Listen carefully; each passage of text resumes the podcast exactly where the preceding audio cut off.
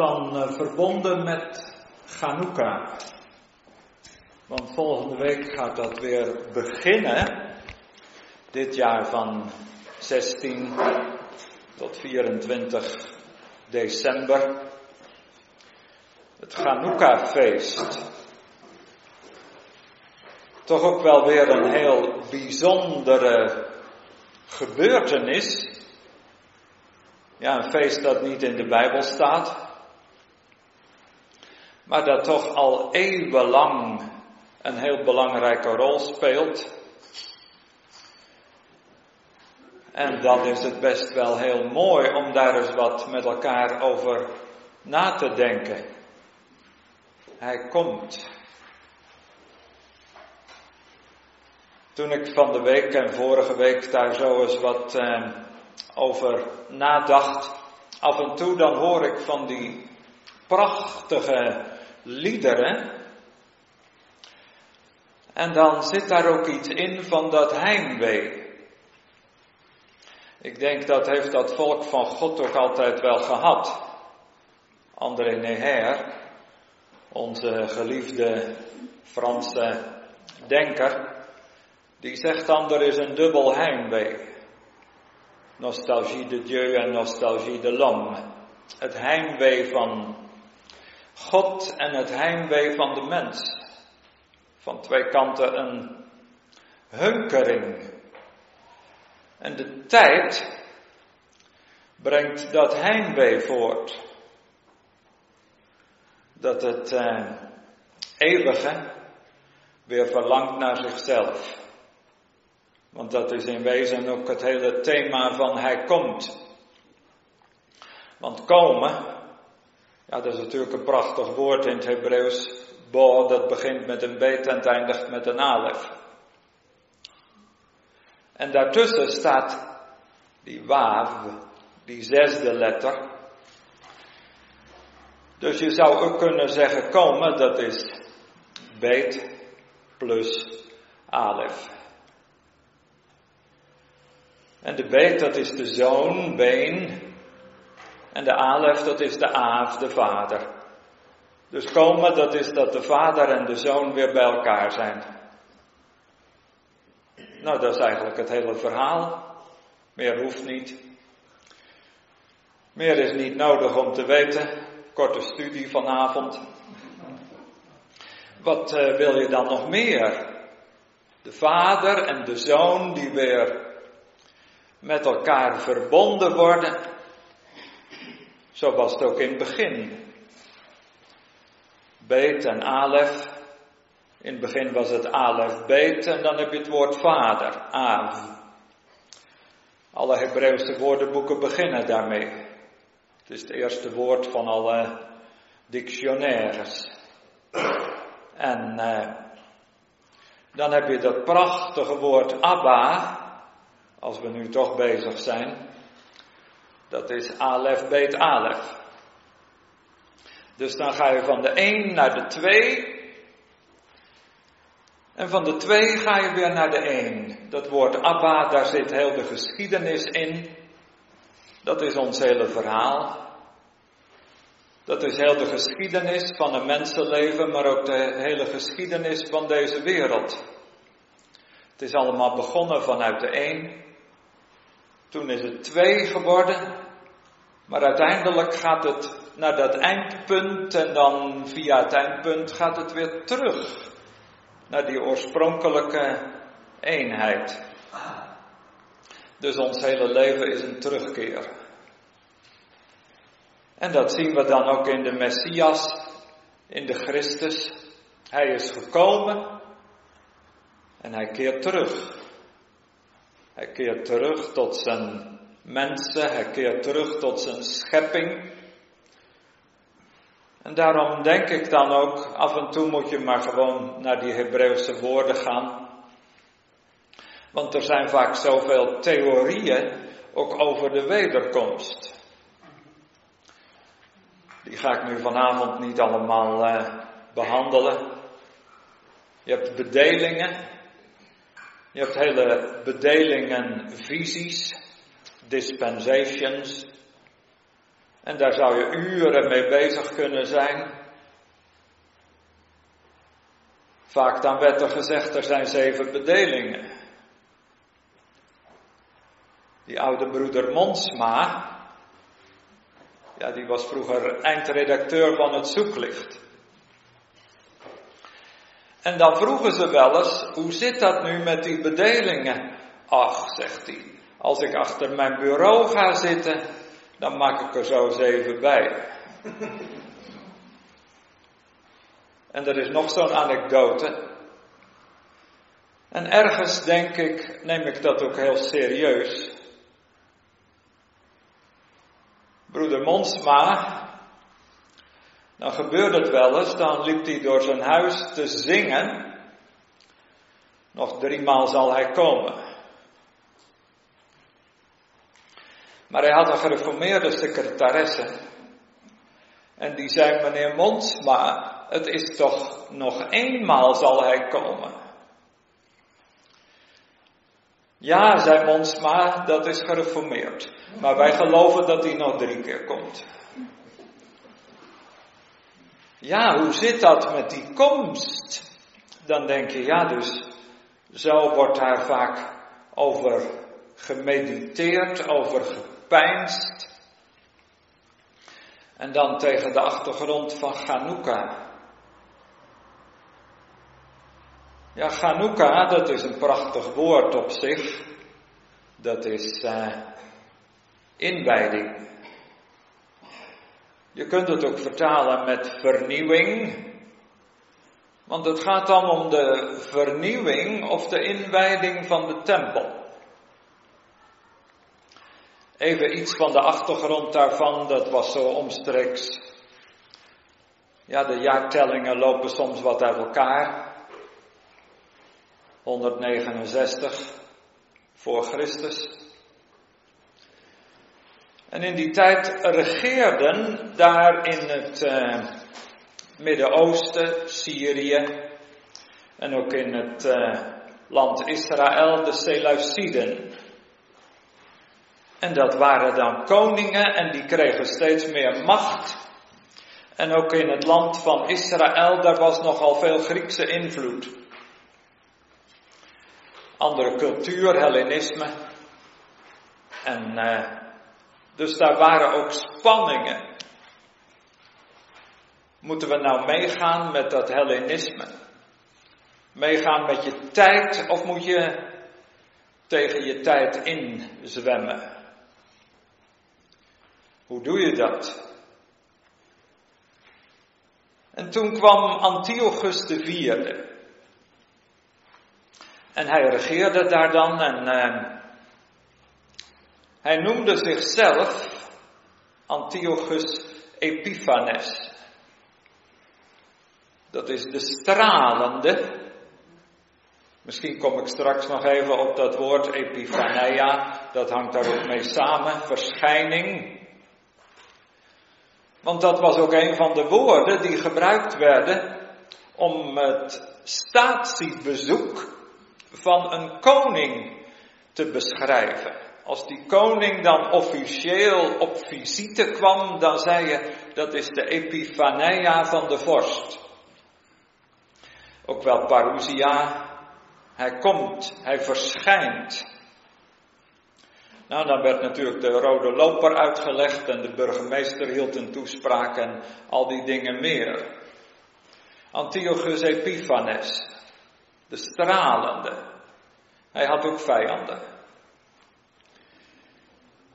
En die zeiden, we denken dat we aan die bijnaam een lettertje moeten veranderen.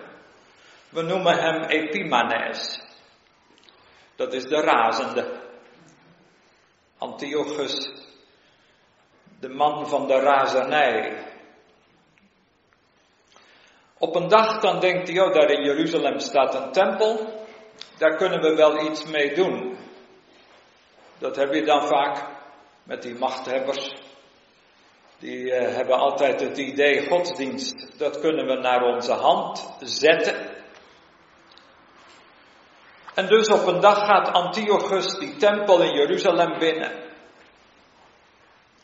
En hij ziet daar dat altaar. En blijkbaar is hij inmiddels ook enigszins op de hoogte van de Joodse tradities. En wat je weet, dat kun je ook misbruiken. En dan uh, zegt hij uh, tegen zijn uh, assistenten, kun je even een varken halen. En dan moet je dat op dat altaar leggen. Dus daar komen wat heidense priesters opdraven. En daar wordt een varken geslacht en geofferd. En u begrijpt wel, daarmee is dus het heiligdom van Jeruzalem ontheiligd. Onrein. Om zo te zeggen, eh, er gaan planken voor de ramen. De zaak wordt dichtgepleisterd en dichtgespijkerd en als vrome Jood kon je daar niet meer komen. Dus daar regeerde dan het heidendom. Je zou haast kunnen denken aan die Psalm 74. Gedenk aan het heiligdom waar gij van ouds hebt gewoond. Hoe heeft de vijand in de tempel huis gehouden? Ze kwamen met bijl en houweel en ze hebben dat allemaal in elkaar geslagen. Moet die Psalm 74 maar eens nalezen. Vooral die eerste elf versen. En dan zingt die psalmdichter, geen profeet is er meer, niemand die weet, of zoals je eigenlijk ook kunt vertalen, niemand die aanvoelt tot hoe lang, atmatai, tot wanneer. Niemand is er nog een profeet? Nee, die is er niet meer. Laatste profeet was Malachi. Die al niet eens meer een naam had. Want Malachi betekent mijn bode. Het is donker geworden in de stad. De tranen over Jeruzalem. En uh, De vergaderplaatsen, de Moadim, zijn stilgevallen. Je kunt er niet meer samenkomen om God te ontmoeten. Nou, dat is die tijd van 169. Er zijn ook uh, historici die een beetje anders tellen, die zeggen het is zo omstreeks het jaar 145 geweest. In elk geval voor Christus. En dan in die donkere dagen, dan komen de Maccabeeën. Vast wel van gehoord. Onder andere, dat is dan een van de bekendste, Juda, Jehuda, HaMaccabi. Maccabi betekent strijdhamer. Dus dat is zoiets van uh, Juda, de guerrilla-strijder, de vrijheidsbevechter. Nou, dat is dus ook uh, de ondergrondse. En uh, wat natuurlijk heel merkwaardig is, geeft ook wel weer te denken. Die vrijheidsstrijd heeft drieënhalf jaar geduurd.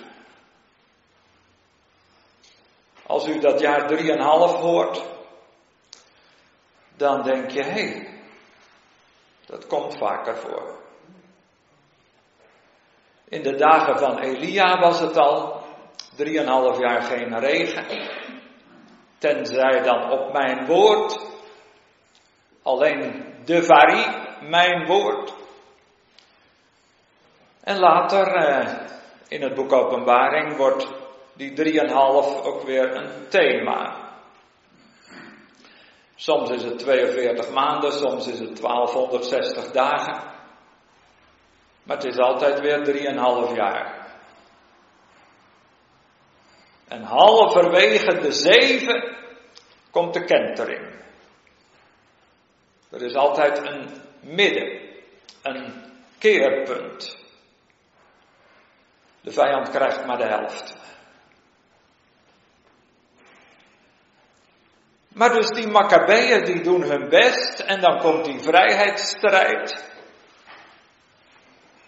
Dat wordt vaak in de Joodse traditie wat verschillend belicht. Sommigen zeggen dat was dus echt een, uh, een van de Milchamot Adonai, een van de oorlogen des Heren. Er zijn er ook die zeggen, nou je moet dat toch wat meer uh, geestelijk zien, want uh, God houdt niet van wapengeweld. Ik voel toch wel wat voor de laatste uitleg. Dan denk ik, zijn het niet meer de bidders geweest? Een geestelijke strijd, net als Rees Howells in de Tweede Wereldoorlog, met zijn Bijbelschool in Swansea. Achter de schermen, in die geestelijke wereld, daar werd het pleit beslecht. Net als in die Psalm 74, want dan heb je die eerste elf versen. Die klacht tot hoe lang? En dan in vers 12, dan kantelt die psalm opeens. Immers is God mijn koning van oudsher. Elohim Malki, God is mijn koning die in het midden van de aarde of in het midden van het land bevrijdingen Yeshua bewerkt. Nou, dan gaat opeens die psalm een andere kant op. Dan wordt het een proclamatie, dan wordt het een, uh, een lofzang. Dan komt er nog een derde deel van die psalm, dan wordt het weer een gebed vanaf vers 18. Maar, dus dat, uh, die Maccabeeën, dan na drieënhalf jaar, dan wordt de tempel weer in bezit genomen. Alleen dan moet er dus wel wat gebeuren, want dat heiligdom is verontreinigd. Dus dan worden de priesters verzameld en die gaan de tempel weer reinigen. En dan inwijden. Chanukat Habayit, de inwijding van het huis. En dan is er een wonder. Ja. In die tempel wordt een kruikje olie gevonden. Want ja, je moet licht hebben. En u weet wel ook vanuit het boek Exodus, daar is speciale olie voor. Exodus 30, gewijde olie. En dan blijkt er in dat heiligdom nog een kruikje olie te zijn. En de eerste dag steken ze één lamp aan, de tweede dag twee, de derde dag drie en zo gaat dat door, de achtste dag acht. Met dat ene kruikje olie. Dat kan toch niet? Van God uit wel. Een wonder. Wat is nu een wonder? Dat dat leger van Antiochus verslagen is? Of die olie? Acht dagen olie vanuit een kruikje waarvan iedereen aan het begin gezegd had: nou, daar kun je het één dag mee redden. En zo staat daar die Chanukia, die kandelaar met zijn acht armen. En dan in het midden die negende, de dienaar, die de acht anderen moet aansteken, de Shamash. De zon.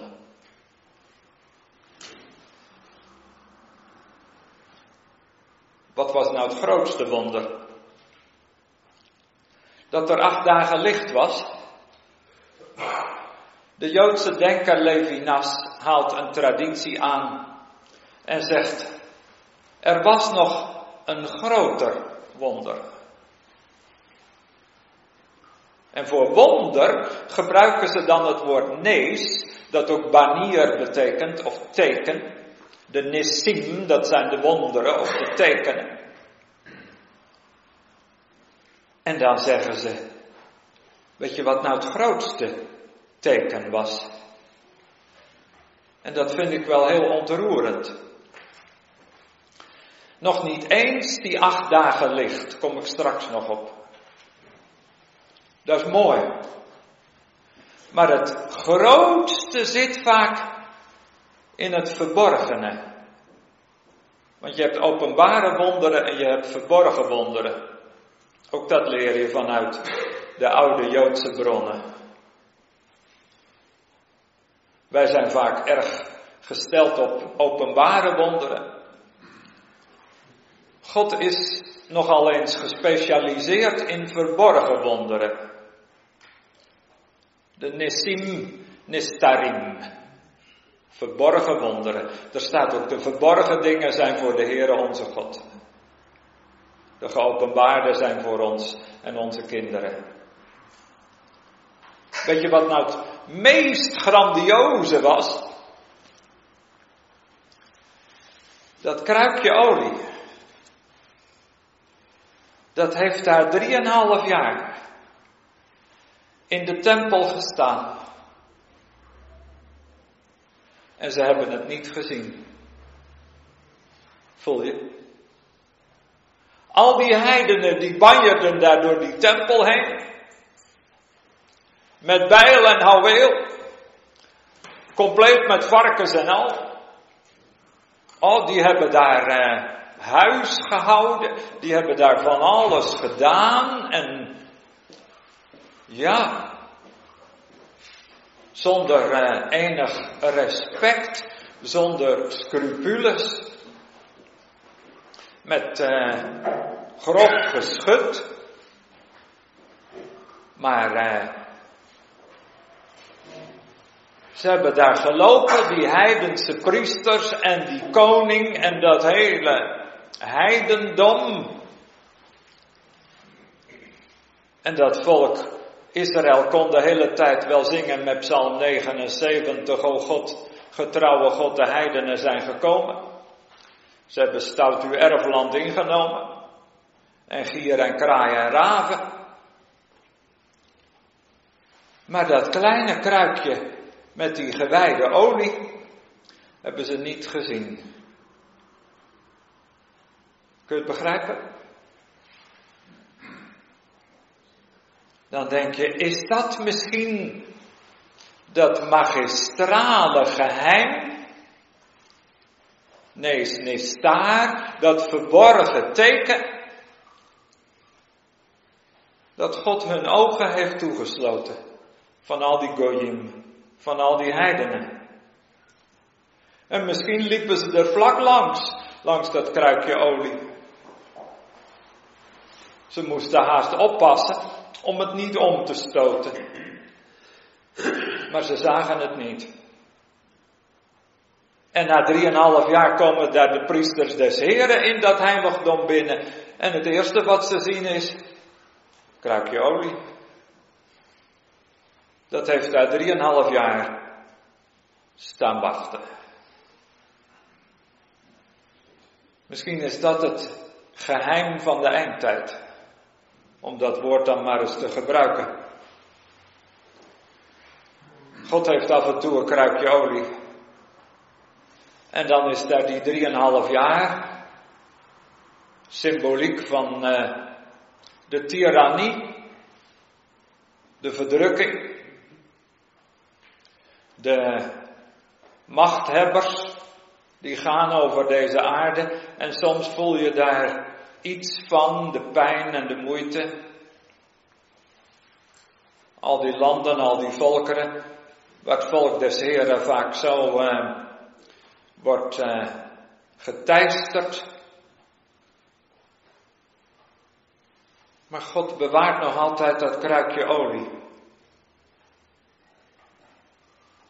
En die Goyim, misschien lopen ze er vlak langs. Hoe vaak is het ook niet gebeurd in de tijd dat het ijzeren gordijn nog bestond. Dat mensen daarheen gingen. Soms met eh, auto's vol bijbels. En de ogen werden toegesloten. En ze hebben het niet gezien. Zie je, dat is het dan. En dan denk je, oh mensen, Chanukka, dat is dus die inwijding. Ja, dat huis, die tempel wordt opnieuw in gebruik genomen. En dat is dus het feest van het licht. Daarom is het in feite ook wel mooi dat dat dan eh, op onze kalender ongeveer in december valt. Dan eh, hebben we toch ook even een iets eh, beter alternatief en een iets meer bijbelse achtergrond dan eh, alle toestanden rondom kerstman en kerstboom. Dan eh, denk je, ja, Chanukka.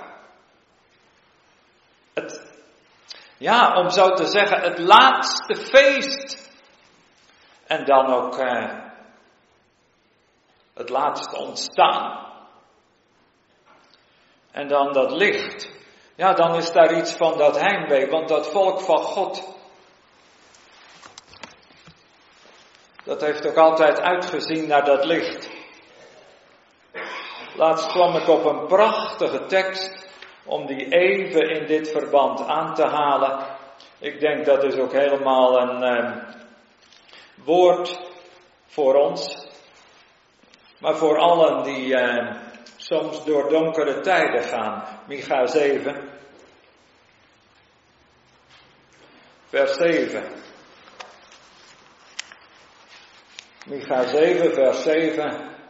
Maar ik zal uitzien naar den Heere. Ik zal wachten op de God van mijn heil. Mijn God zal mij horen. Verblijd u niet over mij, mijn vijandin. Wanneer ik gevallen ben, zal ik weer opstaan. Wanneer ik in duisternis gezeten zal zijn, zal de Heere mij een licht zijn. En ik dacht, daar zit het dan helemaal in. Die profeet Micha, die dat zo op een eh, ontroerende manier bijna aan het eind van zijn boek mag vertolken. Wa'ani, waar ik, Badonai, in den Heere, zal ik, ja, uitzien. Het is eigenlijk spiedend, safa. En ik zal wachten op de God, Elohe Jeshi, op de God van mijn bevrijding. Jeshi, Jesja, Yeshua zit er al in verborgen. En dan, Yishmaeni Elohai, horen zal mij mijn God. Verheug u niet, mijn vijandin, want ik ben gevallen, maar ik zal weer opstaan. Kaamti. En al zit ik in het donker, Adonai Oli. De eeuwige zal licht zijn voor mij. Nou, dat, dat licht. Want ja, dan is daar dus dat heimwee. Een mens kan verlangen naar het licht. Dat, uh, er is een uh, oude Joodse vertelling. Dan is er een gesprek tussen de haan en de vleermuis. En uh, dan uh, is het het laatste deel van de nacht. En de dageraad staat voor de deur. En dan zegt de vleermuis, zal niet zo lang meer duren. Dan begint de dag waarop de haan zegt, ja, Daar kan ik helemaal in komen. En dan kan ik mijn stem laten horen. Maar beste vleermuis, wat moet jij nou met de dageraad? Ja, want uh, die heeft daar niet zoveel mee. Maar dan zie je dat uitzien, dat is dat heimwee, dat is die nostalgie van twee kanten. Daar is aan de ene kant dat heimwee van de mens die uitziet, daar is aan de andere kant dat heimwee van God. God die op zijn horloge kijkt, om zo te zeggen. En die eventueel zelfs de dagen inkort. Ter wille van zijn mensen. Want God denkt niet in uren, maar in mensen. In uh, wat de middeleeuwse Joodse zanger Yehuda Halevi genoemd heeft, hartsmomenten. Tijd van het hart. En uh, dus dat licht, het feest van het licht, staat zo mooi in het boek Job, hè? zij het nog zo donker, het zal worden als de morgenstond. Kan soms heel duister wezen. Het zal worden als de dageraad. En in die liederen, daar hoor ik vaak ook dat heimwee in. Ik moet denken aan die zangers, die dan zo prachtig dat lied hebben. We'll soon be done with troubles and trials. Spoedig zal het gedaan zijn met de uh, moeite en de beproevingen. En uh, dan hebben ze nog zo'n schitterend lied. Uh, one more valley, one more hill, one more trial, one more tear, one more curve in life's road. Nog één dal en nog één heuvel. Nog één beproeving en nog één traan. Nog één bocht in de weg van het leven. En dan. En ik denk, zo hebben die pelgrims elkaar in de loop van de tijd altijd aangemoedigd en gezegd, nou joh, nog even volhouden.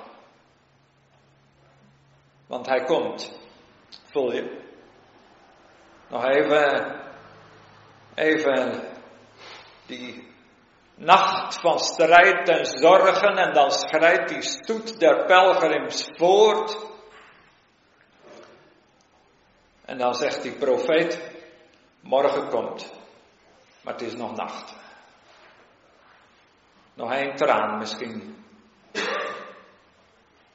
Stel je voor, want het volk van God heeft wel vaak zijn tranen. En soms dan kan het wel eens zijn dat het heel diep eronder doorgaat. En dat ze elkaar aankijken. En dat ze zeggen, zou het nog wat worden? Zou het nog wezen? Denk je dat ik het nog volhoud? En dan komt er eentje en die zegt, eh, misschien heb je morgen of vannacht je laatste traan je laatste traan. No more tears in heaven. Geen tranen meer in de hemel. En dan kijk je terug en dan denk je, ah, dat was het dus. Maar nou dat licht.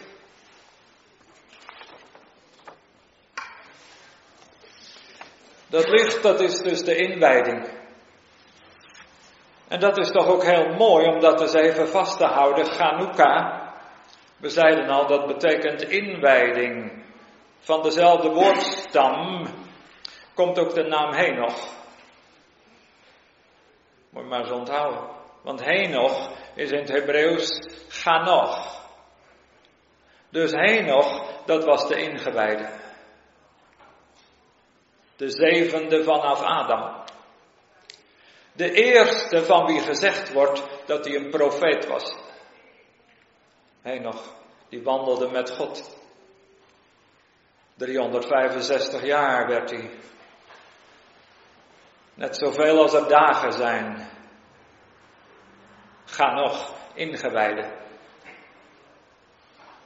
Chanukka, inwijding. Ja, dat huis dat wordt ingewijd met licht. Nou zijn er zeven inwijdingen. En die zeven inwijdingen, die vertellen ons het verhaal van Hij komt.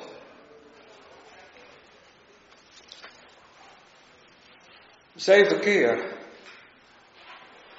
Want als God iets doet, dan doet hij het zevenvoudig. Zijn woorden zijn ook zevenmaal gelouterd. God doet het in uh, zevenvoud. Net zoals de schepping. Nou, die zeven inwijdingen, die geven ons met elkaar een beeld. Kijk, en dan denk voor mezelf ook. En dan voor u. Voor ons. Af en toe heb je dat wel nodig. Zoveel wat een mens somber kan maken.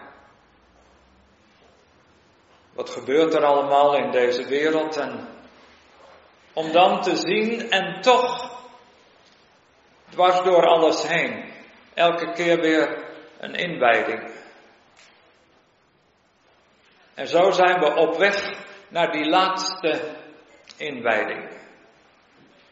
Laatste Chanukka. Dat uh, feest dat alles compleet maakt. Dat het licht opgaat. Nou, de eerste inwijding, dat is bij de schepping.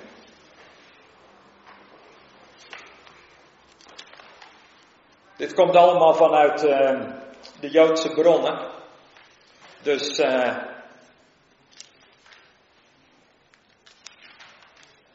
Dus dit is niet zomaar iets uh, wat ik dan bij elkaar bedacht heb. Dit is eigenlijk iets wat al eeuwenlang in de harten van die uh, rabbijnen en Joodse denkers geleefd heeft. En die hebben dat gezegd.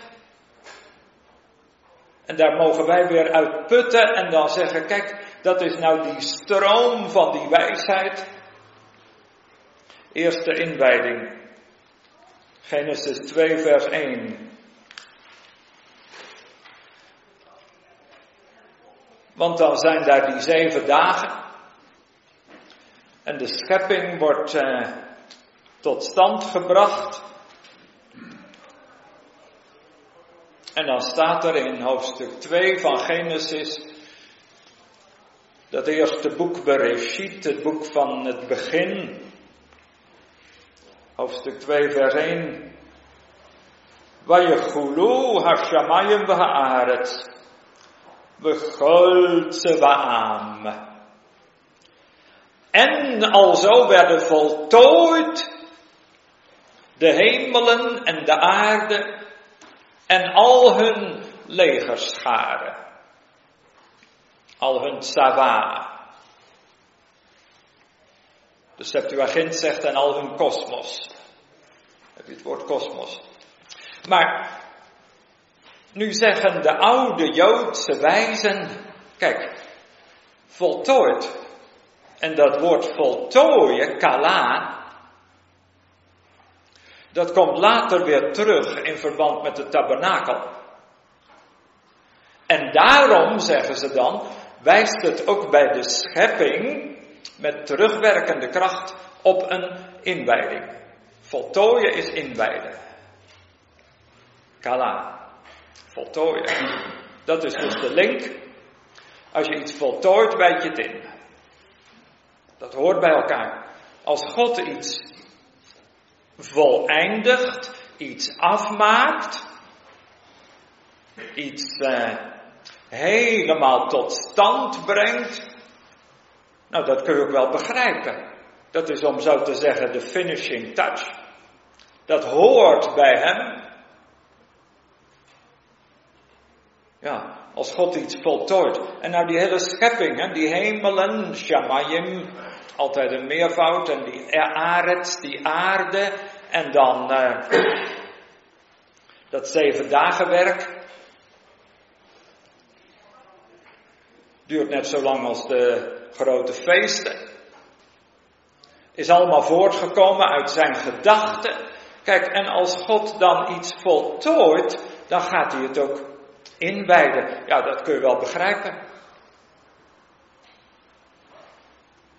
Want uh, dat is net als een beeldhouwer. Als hij dat beeld dan klaar heeft en dan staat dat daar op het plein van de stad, maar het is misschien nog helemaal ingepakt. Nou, dan moet er ook een officiële onthulling komen en een eh, presentatie.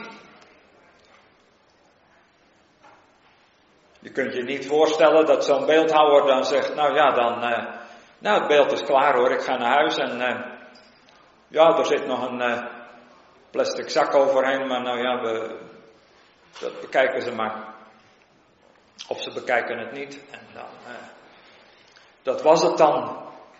Nee, dat moet officieel onthuld worden, moet ingewijd. Dus die schepping, Oh, dat, dat is als het ware dat, dat, ja, het is ook zo mooi bij die schepping, dat Gods eerste woord was, je oor, er zij licht.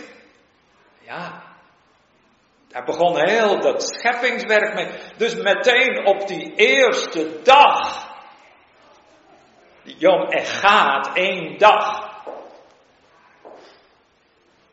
dan, dan zegt God, eh, nou we gaan nu beginnen. Nou, wat gaan we eerst doen? Licht maken, licht aansteken. Er geschieden licht, waar je hier oor en er geschieden licht.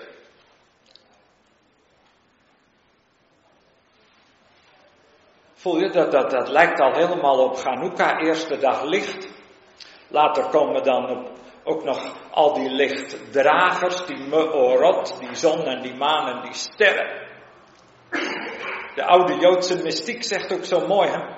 daar kom ik straks nog even op, dat uh,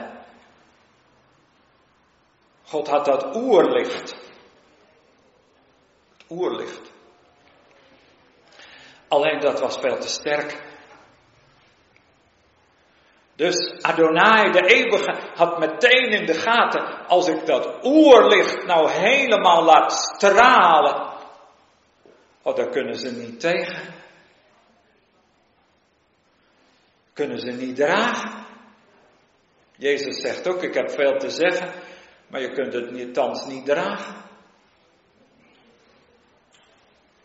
En God wist, straks dan komt die generatie van Enosh en dan komt dat geslacht van uh, Noach, de, de zondvloed, en dan komt dat geslacht van de toren van Babel, als die dat volle licht krijgen. Oh, dan, uh, dat redden ze niet. Zijn ze niet opgebouwd? Zoveel licht. Dus, zegt de oude Joodse mystiek, toen aan het begin heeft God van dat oerlicht zeven delen gemaakt. En van die zeven delen heeft hij er zes afgenomen. En die heeft hij opgeborgen. Toen bleef er één zevende over. En daar moesten ze het mee doen. Die zes delen, die heeft God opgespaard voor later. Net als dat kruikje olie daar in de tempel in de tijd van de Maccabeeën. Apart gezet. En op dat kruikje met die zes delen stond, nu nog niet, voor later. Ik denk misschien is dat ook vaak onze wereldgeschiedenis. Wij zitten met dat ene deeltje licht. En God in zijn wijsheid, in zijn grote voorzienigheid, heeft zes delen van de zeven nog maar even in de kast gelegd. Komt nog. Net als een leerling op school. Dan zit je in de eerste klas en dan krijg je nog niet alles. Kun je nog niet begrijpen. En dan uh, komt die scheikundeleraar en die zegt: We doen eerst een paar proefjes waar je geen gevaar mee kunt lopen. Die andere dingen, dat komt later wel. Is te gevaarlijk. En dat is vaak heel deze wereldgeschiedenis. Wij leven vaak bij dat beperkte licht. Het verborgen licht. Dat is ook genade. Dat is ook barmhartigheid. Je kunt niet alles dragen. In een bepaalde zin moet je daar ook niet aan denken. Stel je voor dat figuren als. Eh, want die eerste mens, zegt die oude Joodse bron, oh die kon met dat licht zien van het ene einde van de schepping tot het andere. Stel je voor dat iemand als Nebukadnezar zoveel licht had gehad. Of iemand als Stalin. Of Lenin. Om er een paar maar te noemen. Gelukkig hadden ze niet zoveel licht. Ze hadden maar een klein deeltje. En zelfs dat nog maar door een spiegel. Het verborgen licht. Nou, dus God heeft die schepping gemaakt en dan gaat hij voltooien. Want dan staat er ook zo mooi in Job 38, dan is er meteen ook een heel zangkoor. Want alle engelen begonnen te jubelen en alle morgensterren begonnen te zingen toen God die hemel en die aarde had gegrondvest compleet eh, kantorij erbij. Nou, dus dat is, eh, ik denk dat we met die zeven punten een beetje vlugger moeten. Maar dit was punt 1. Het eh, tweede punt. De tweede inwijding, dat is de tabernakel. Daar staat ook weer datzelfde woord. In Exodus 39, ik noem maar even de tekst. Exodus 39, vers 34. Dan. Eh, Exodus 39. En dan. Eh, Het 32e vers. Exodus 39 en daarvan dan vers 32. Wat tegel en voltooid werd kol avodat mishkan, o Helmoed. Alle dienst van de woning, de tent van de ontmoeting. Weer hetzelfde woord kala, hetzelfde woord voltooien. En dan wordt ook die tabernakel ingewijd. En dat is ook weer een heel groot moment. Dat kunt u vinden in nummer 7. Want dan staat er in nummer 7 vers 1. Vayehi bayom kalot Moshe lehakim et hamishkan. Vayemshach oto. Vayekadesh oto. Ve'et kol kelav.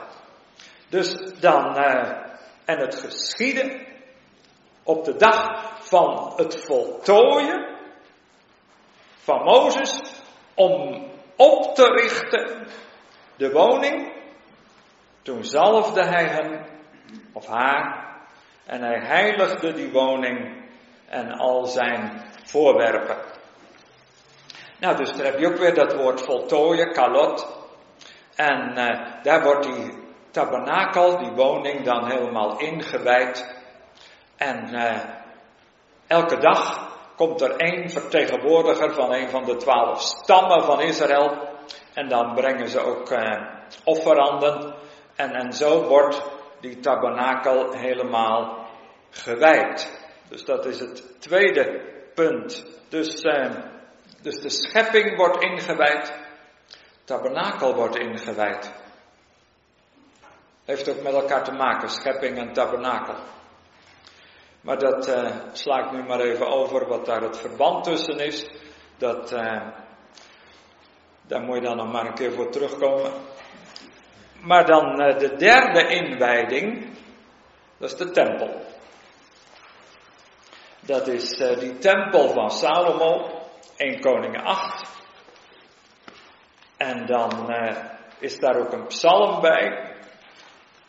Want dan staat er in Psalm 30,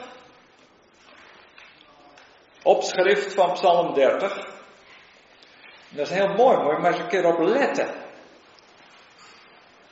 Psalm 30 begint, Mizmor, een psalm, Shir, Chanukat Habayit, Le David. Dus daar staat een lied van de Chanukka van het huis. Psalm van David.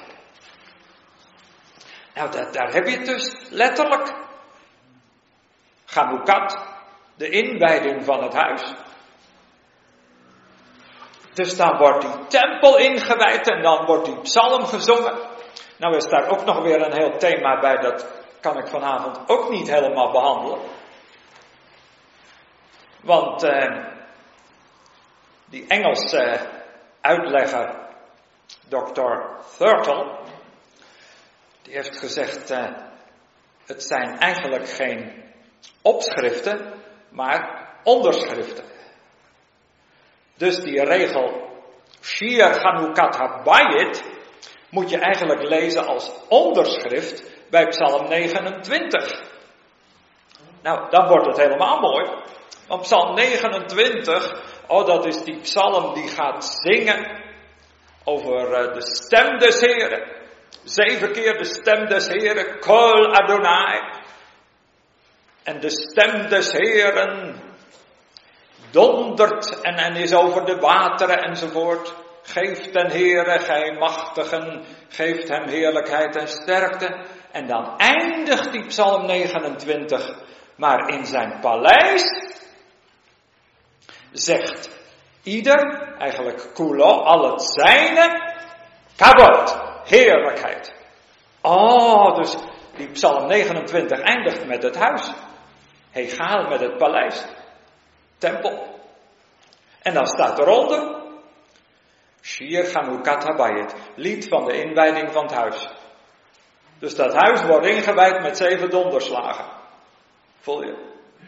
Oh, en dan, uh, nou, dan staat daar die tempel. En uh, nou, dat is ook een symboliek voor de eindtijd. God gaat zijn huis inwijden. Ik denk dat is het voorspel wat we nu meemaken. Hij komt. En daaraan vooraf openbaring 10, de zeven donderslagen. Lees het maar eens na. En openbaring 10, daar heb je de zeven donderslagen en dat loopt uit op openbaring 11 vers 1, de tempel. Precies de parallel. Dus in de weg van die zeven donderslagen. En A.A. Leenhouts die zei dan, dat is Gods voorlaatste geheim. Het boek heb ik ooit nog geërfd van mijn vader is al uit 1956. En dan denk je, oh kijk, dat is het nou. Hè? Gods voorlaatste geheim. Hij komt. Dus als je de donder hoort, dan weet je, Hij gaat komen. Het voorspel. Wij leven in de tijd van het preludium, de tijd van het voorspel. Je kunt zeggen eindtijd, de tijd van kalot, van het voleindigen. En nu doen de Joodse denkers daar ook nog iets mee, want die zeggen dat uh, kala, dat is voleindigen, maar je kunt het ook lezen als de bruid. Dat is hetzelfde woord, kala, dat is de bruid. Dus wij leven in de tijd van het voleindigen, we leven ook in de tijd van de bruid. Ik ga niet alles invullen, je mag ook een heleboel zelf uh, verder invullen, maar ik moet even pauzeren. Nou, dus. En. Uh, nou, de vierde inwijding is dan de tweede tempel, dat gaan we straks even bekijken, maar. Dan uh, hebben we even een pauze tussen punt 4 en punt 5. Want dat is ook uh, bijbels, dat je dus een uh, incisie maakt bij de zeven na de vierde. Dus we gaan even pauzeren. Ja, dan gaan we nog even verder. Want uh, we kunnen toch niet zomaar uh, stoppen met vier van de zeven punten. De vierde, dat was dus de tweede tempel. De tweede tempel wordt ingewijd. En als u daar een tekst bij wilt hebben, dat is in het boek Ezra. Ezra hoofdstuk 6, vers 17. We hakrivu, en ze deden naderen, lachanukat, beet elaha. Ja, En daar wordt dus gesproken over de inwijding van het huis van Elaha. Hier zitten we dus in het Arameese deel van Ezra. Dus niet Elohim, maar dan staat er Elaha. En dan eh, wordt dus dat eh, huis Ezra, hoofdstuk 6, vers 17. Dus ook die tweede tempel. Ook wat dat betreft, denk ik dan wel eens aan dat uh, ontroerende woord dat Elie ook ergens aanhaalt. Zeven keer is de tempel verwoest.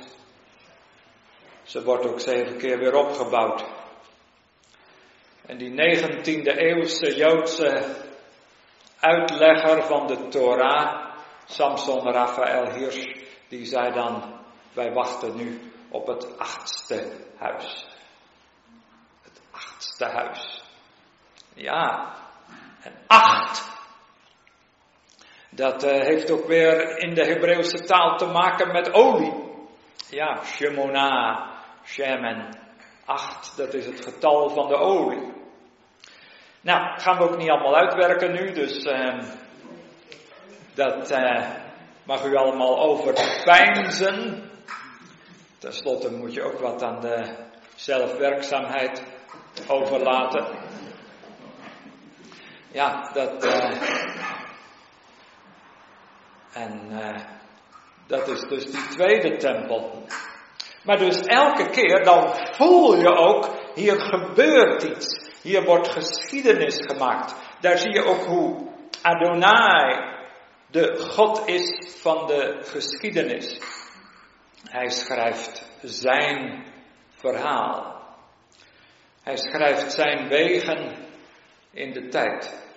Elke keer die inwijding zou je ook kunnen zeggen, dat is het eeuwige komt in de tijd. Als je gaat spreken over hij komt, het eeuwige komt in de tijd. Het eeuwige komt niet na de tijd, maar komt erin. Dat is ook onze troost. Dat is ook wat een mens weer moed kan geven. Troost, troost mijn volk. God zegt, ik kom er wel in. Ik vind wel een ingang in de tijd.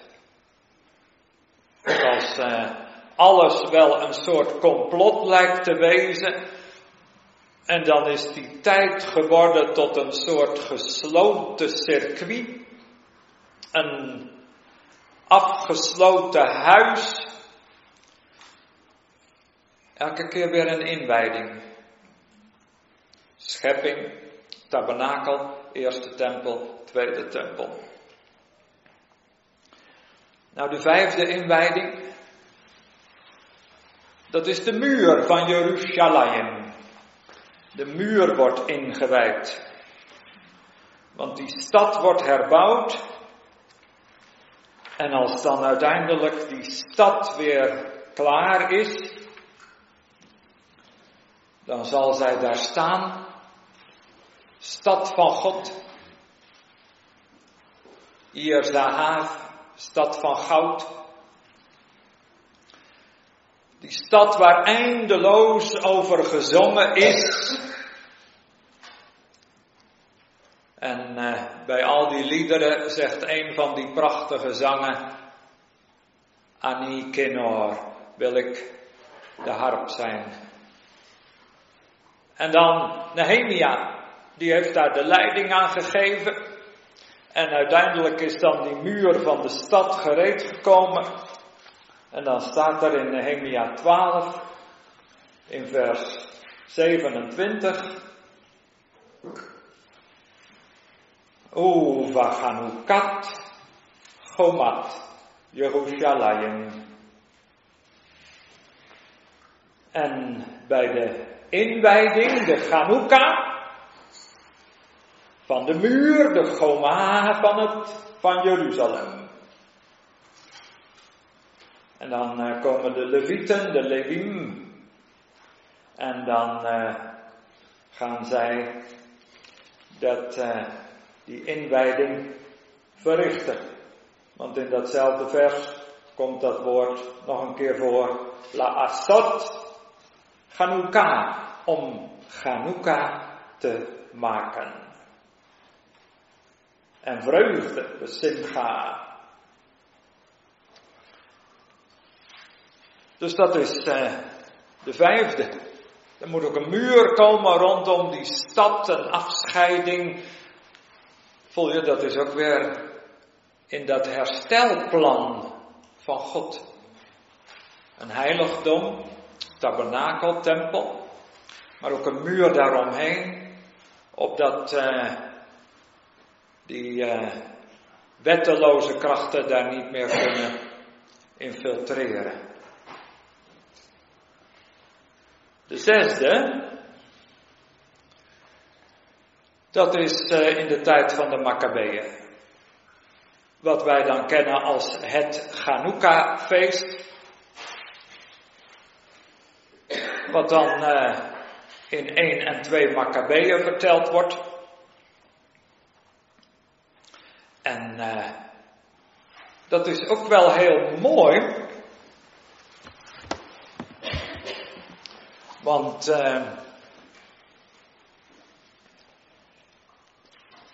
ze gaan dan dat feest vieren. Die acht dagen.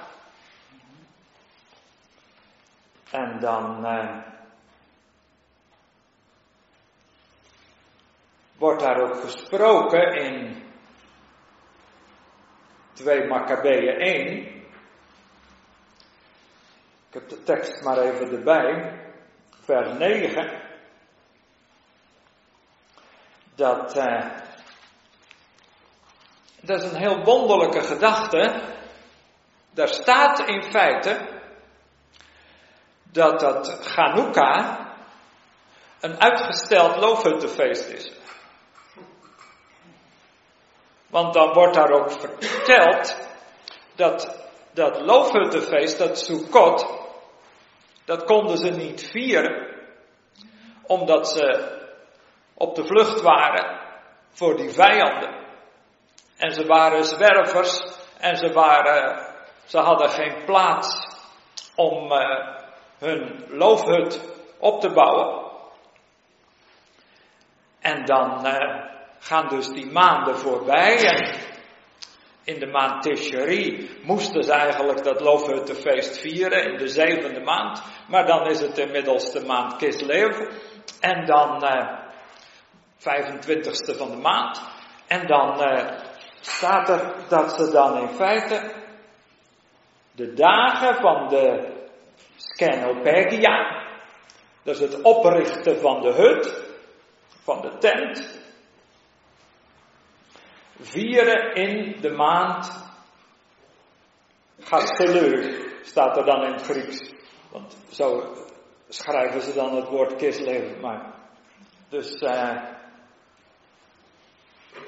dus dat. Uh, en ook iets verderop, in 2 Maccabeeën 1, vers 18. Daar wordt dan ook gesproken over uh, de reiniging, Toehieru van het heiligdom. En uh, dan wordt het feest gevierd en dan heel apart, Skenopegias Kaitopyros. Van loofhutten en het vuur. Dus wat is Chanukka? Dat is loofhutten plus vuur. De, de hut, de tent wordt weer opgericht. Het heiligdom wordt in ere hersteld. En het vuur wordt weer ontstoken. De vlam gaat weer branden. Nou, dat kun je dus ook nog helemaal overzetten. Want uh, je moet natuurlijk altijd beelden transponeren,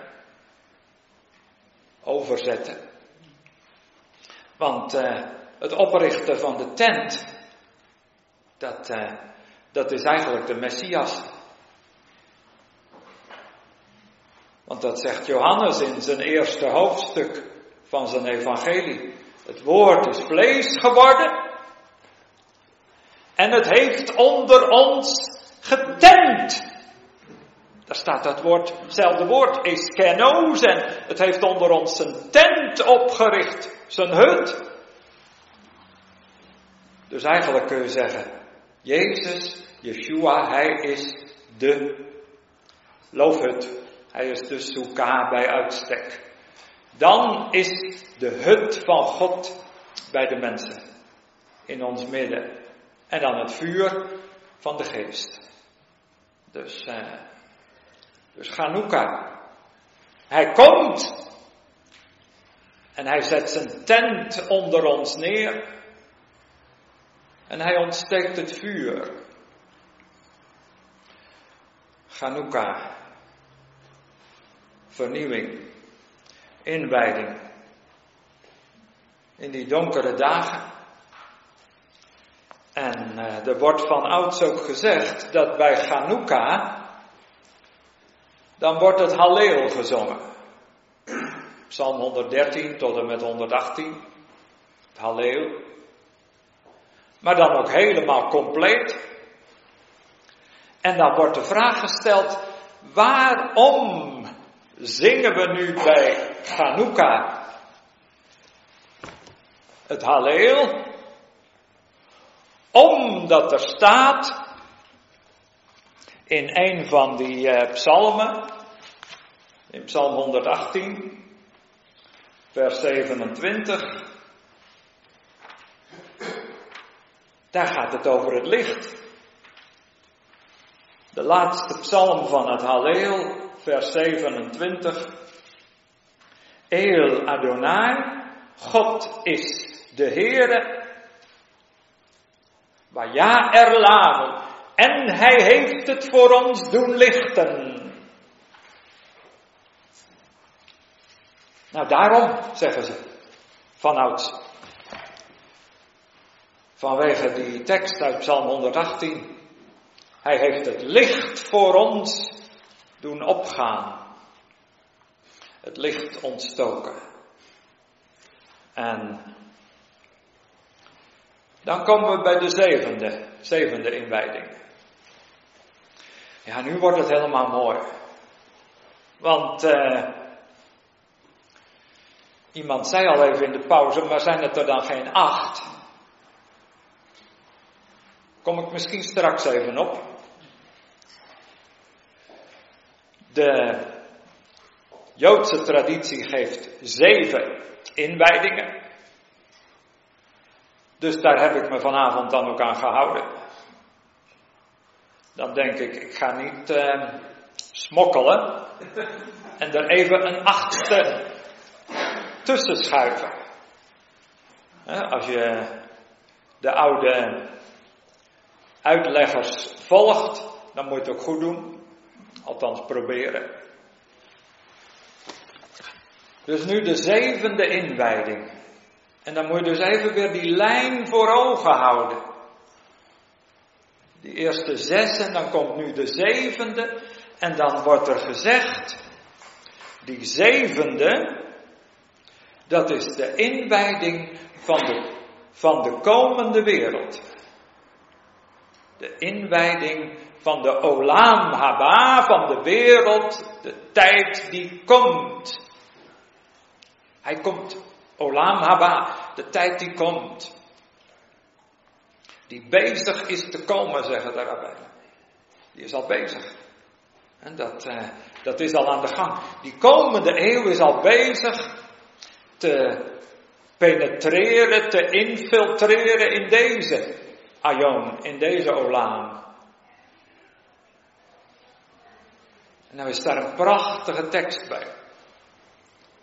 Vind ik een van de mooiste teksten, misschien wel van de hele Bijbel. Hoewel je daar voorzichtig mee moet zijn, maar het is wel voor mij ook heel kostbaar. Af en toe dan preek ik er weer eens over.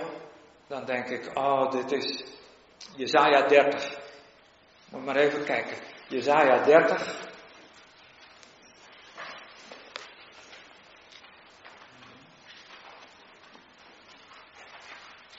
Want uh, dat is ook een van die ontroerende gedeelten. De profeet Jezaja die zoveel gezien heeft. En dan hoofdstuk 30. En dan uh, gaat het vanaf vers 25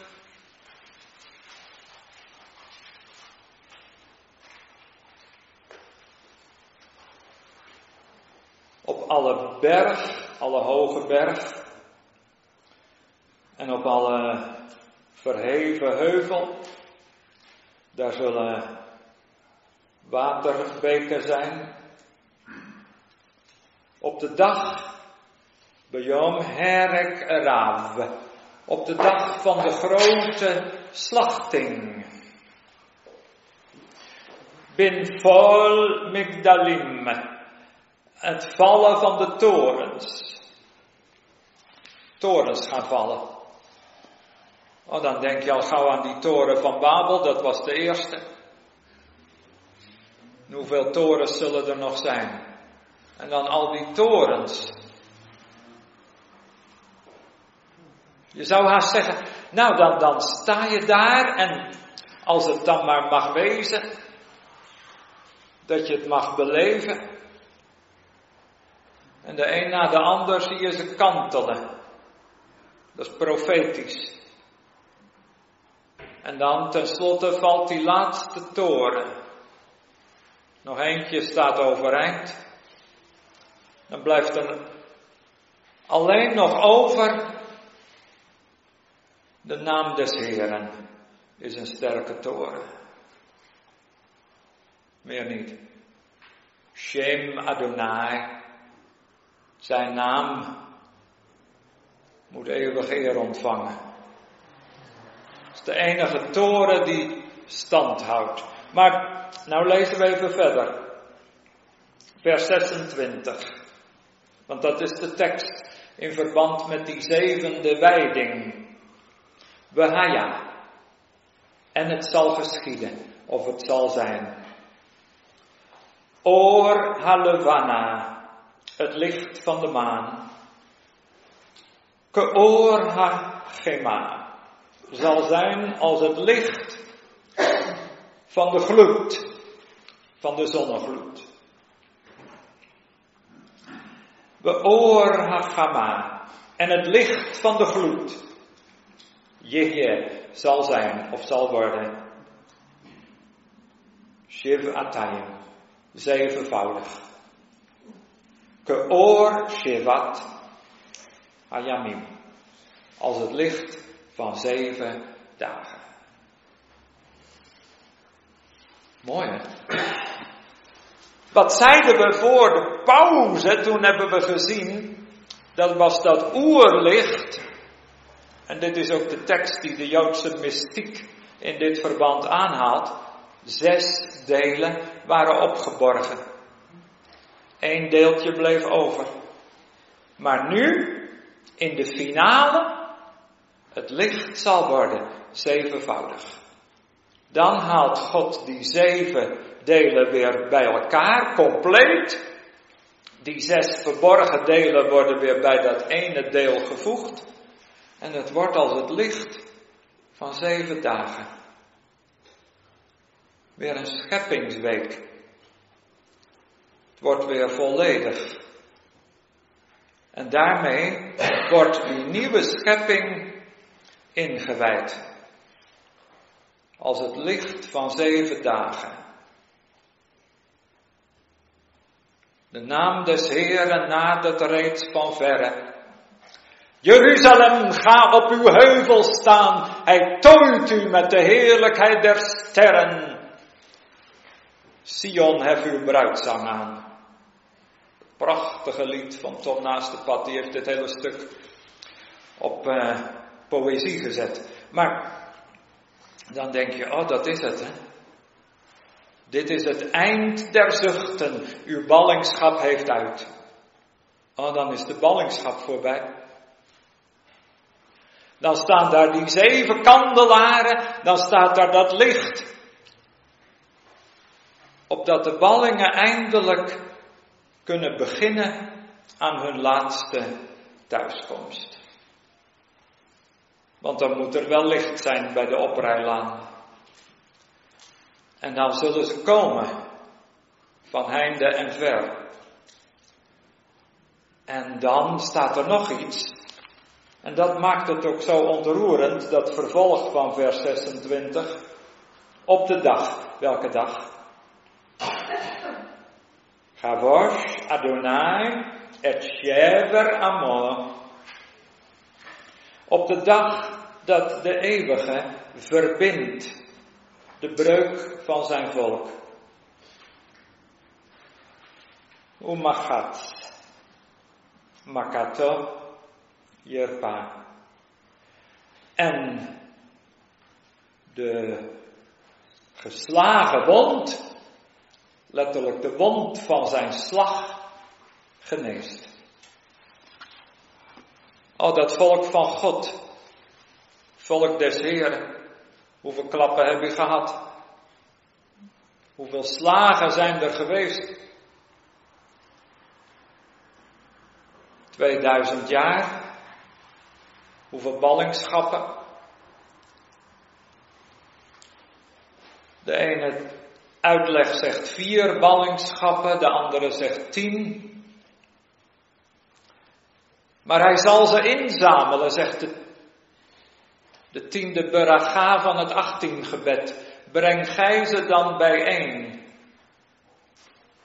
Alle ballingen. Er staat eigenlijk alle gelujot, dat is alle ballingschappen. En dan komen ze. Misschien sommigen, die kunnen haast niet meer lopen. De wonden zijn geslagen. En de een zegt, tegen de ander zal ik je ondersteunen. Jij moet het toch ook halen. Ja, we moeten wel zien dat we er komen. Ik zie een poort wijd openstaan. En dan uh, de lammen helpt de blinden, of omgekeerd. En de kreupelen. En ja, die. Uh, de, die de weg niet meer weten, krijgen een gids. Staat ook in Jezaja 30. En die verdwaald zijn, worden thuisgebracht. En die niet meer kunnen lopen, worden gedragen.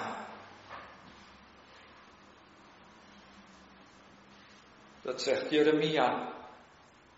En dan zegt Jeremia 31, en ze zullen komen.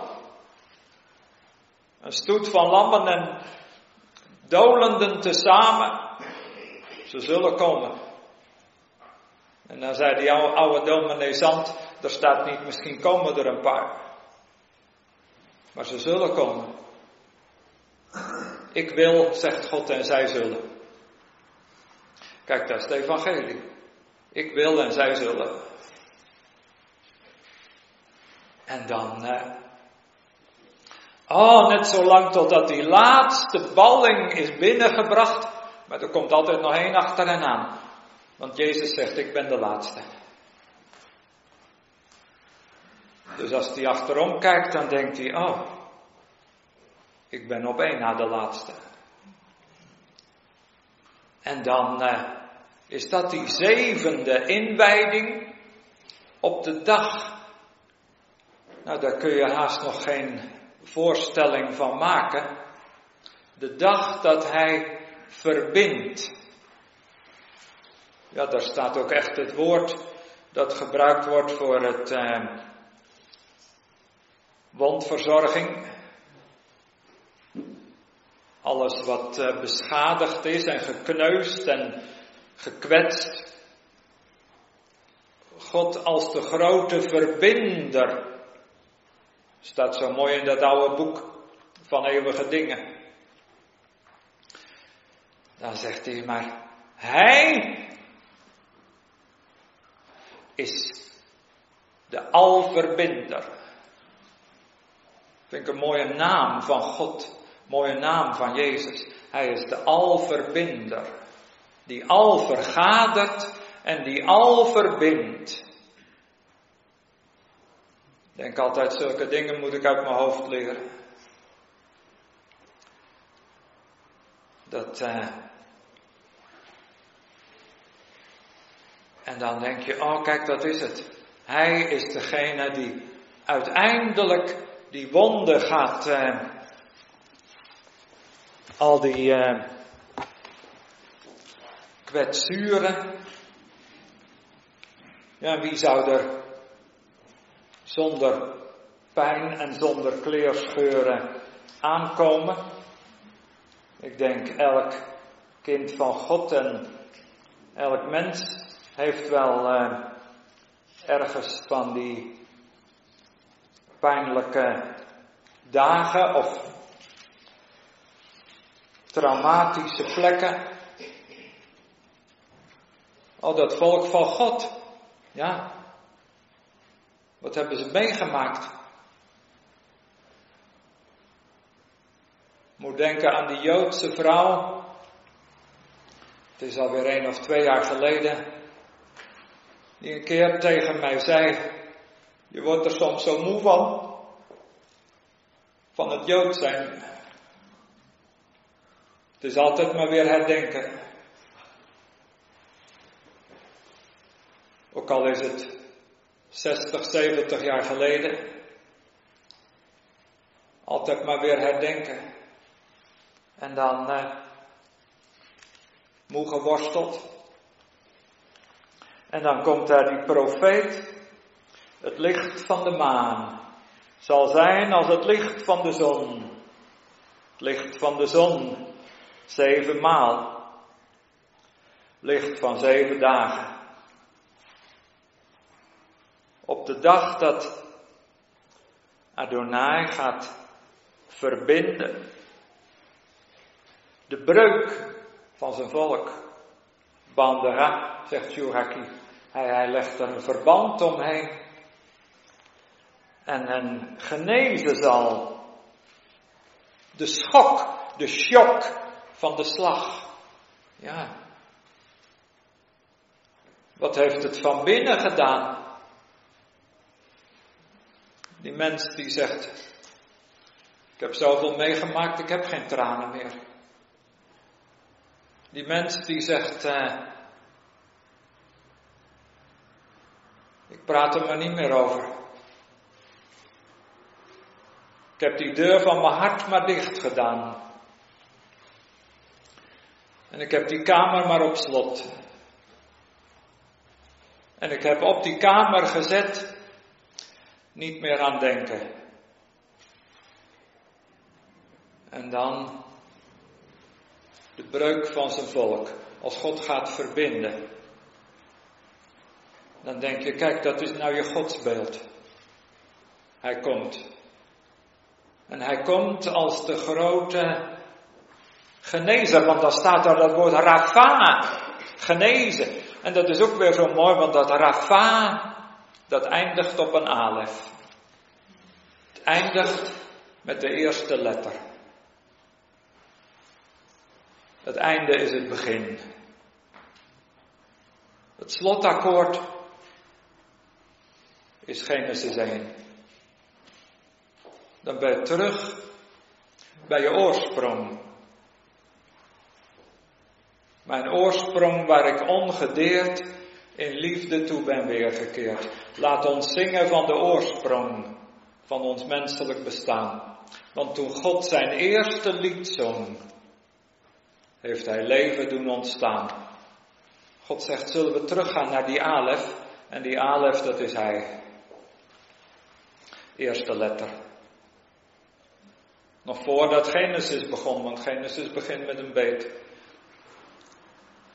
Maar, nou dat licht, hè, daar gaan we dan, ja we moeten langzamerhand al een beetje eindigen denk ik.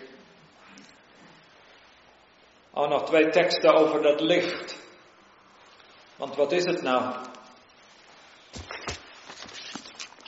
Nou zeggen uh, de oude uitleggers, nou heb je dat licht, hè, olie, lamp. En uh, die olie moet branden. Spreuken. Twee teksten uit spreuken.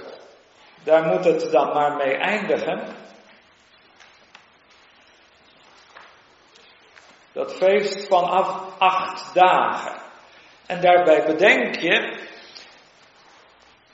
in de schepping ga je tot zeven. Tot en met zeven. En dan acht, dan ga je over de grens. Dat is de nieuwe schepping. Dan ga je over een drempel. Dat is de Messias. Want de Messias is de gezalfde. Shemen, de olie. Dat is Shemona, dat is de acht. Oh, dan ga je over die grens van de eerste schepping. En dan staat Yeshua daar, Jezus. En hij is het begin van de nieuwe schepping.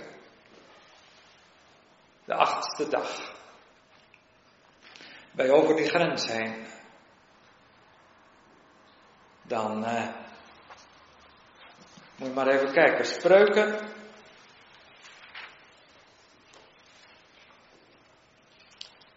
Spreuken 6.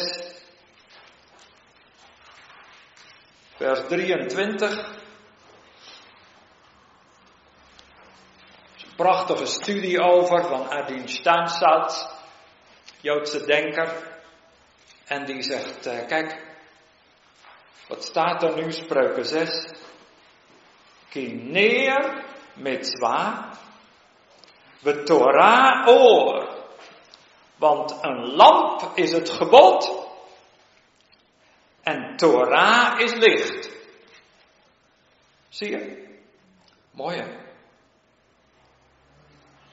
Dus, dus het gebod is een lamp. Dus als je bar mitzwa wordt, zoon van het gebod, word je eigenlijk dus zoon van de lamp. En dan de Torah is licht. Steinsaltz zegt ook, als je het in het Aramees hoort, Torah en Ora, dat scheelt niet veel. Torah, onderwijzing en Ora, licht. Dat rijmt ook op elkaar, dat hoort. Dat hoort bij elkaar, als je het hoort. Torah en Ora. En dan voel je, kijk, dat heeft ook met elkaar te maken. Dus dat, dat woord, dat eeuwige woord. Jezus zegt ook, ik ben het licht. En hij is ook het woord. Vandaar al die ik ben woorden bij Johannes. Wordt het allemaal in vervuld. En als dan dat huis wordt ingewijd, die tabernakel wordt ingewijd, en, en die ene en die tweede en die volgende, die tempels worden ingewijd, oh dan voel je, oh dan begint het licht weer te schijnen, dan wordt die Torah ook hersteld. Dat genezende woord. Want dat woord geneest. Spreek slechts één woord. Eén woord met macht. Spreek, dan keert alles ten goede. En dan de laatste tekst. Spreuken 20.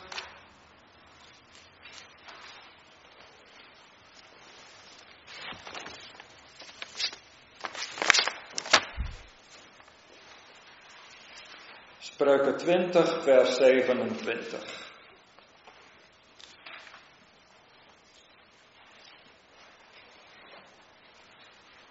twintigste hoofdstuk en dan het 27ste vers. Neer Adonai Nishmat Adam.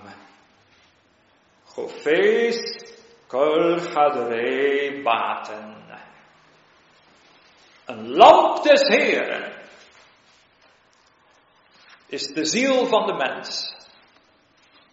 Doorzoekende alle kameren van het innerlijk van de schoot staat er eigenlijk. Je diepste wezen, waar je van binnen geboren wordt. Dat is mooi. Dus nou zetten we die twee teksten naast elkaar, spreuken 6. Het gebod is een lamp. En in, hier in spreuken 20 staat, jij bent een lamp. De ziel van de mens is een lamp des Heren. Dus wat is Chanukka? Dat is eh, dat dat lampje van binnen weer gaat branden. Voel je? Chanukka is veel dichterbij dan je denkt. Gaat om dat lampje in je hart.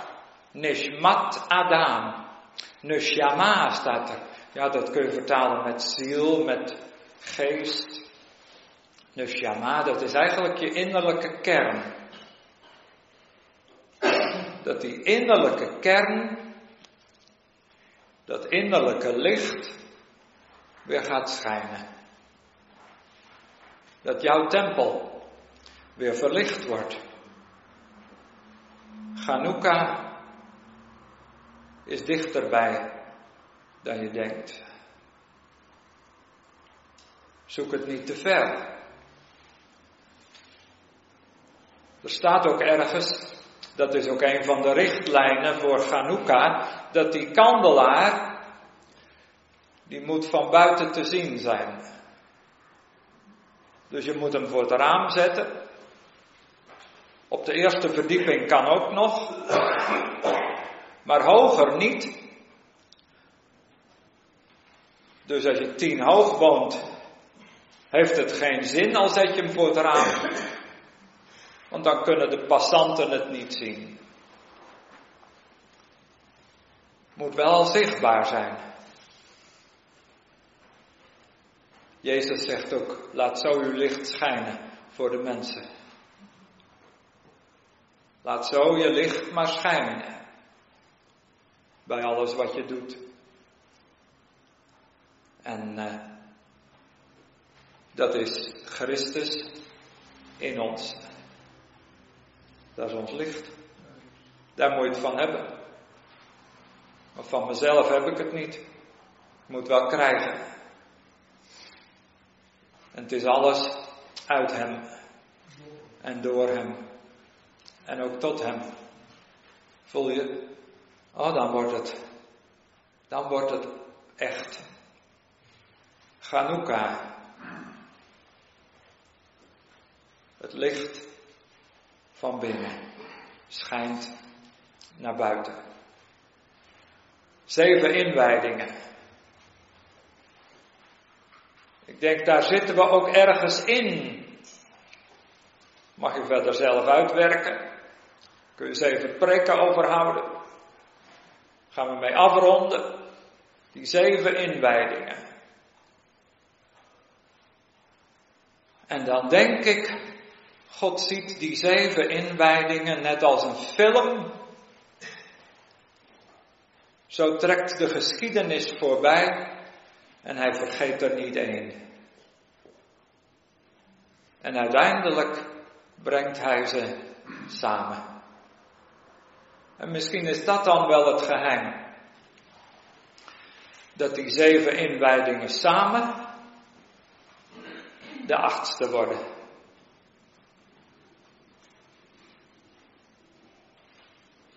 Dat staat niet direct in de Joodse traditie. Dat bedenk ik nu. Dus dan toch nog een toegift. Dan is 1 plus 2 plus 3 plus 4 plus 5 plus 6 plus 7. Dat is samen 8. Die zeven inwijdingen, Chanukat Habayit, Chanukat Haberia, de inwijding van de schepping, al die zeven tezamen worden de achtste. En dan komt hij, hij komt. Hij komt vooral, ja, hij komt als koning. Hij komt ook als geneesheer. Arts aller zielen, dat bent u. Het is genoeg als gij ons neemt in uw hoede. Genees dan de wond die het leven sloeg. Laat ons niet hopeloos verbloeden. Zo bent u toch. Zo bent u geweest door de eeuwen heen. En af en toe kwam daar de vraag: is er nog balsem in Gilead? Soms was daar de noodkreet. Is er nog olie?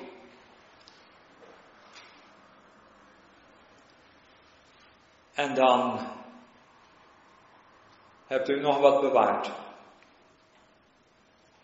Opgespaard. U bent de grote bewaarder. En u raakt nooit iets kwijt. En geef dat dat dan in ons hart mag wezen en in onze ogen. Laat het licht mogen schijnen in onze ogen. Zoals dat Ierse lied zegt, wees schijn mijn ogen. Geef ons dan maar olie om de lamp weer te kunnen ontsteken. We bidden nu zo voor elkaar. We bidden nu voor uw volk Israël in deze vaak zo barre tijden. We bidden nu voor al die volkeren die elkaar vaak zoveel pijn doen, zoveel trauma's,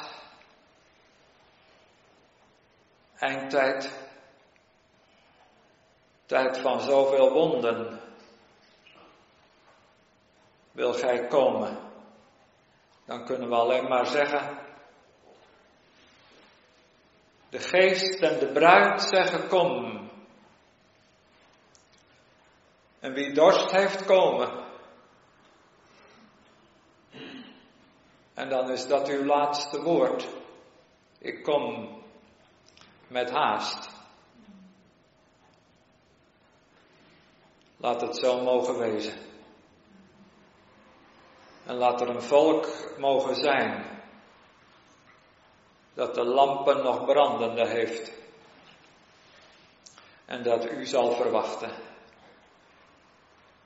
Zo zegenen we elkaar. En zo bidden we u dat u deze woorden in onze harten wilt verklaren. Chanukka. De grote inwijding komt.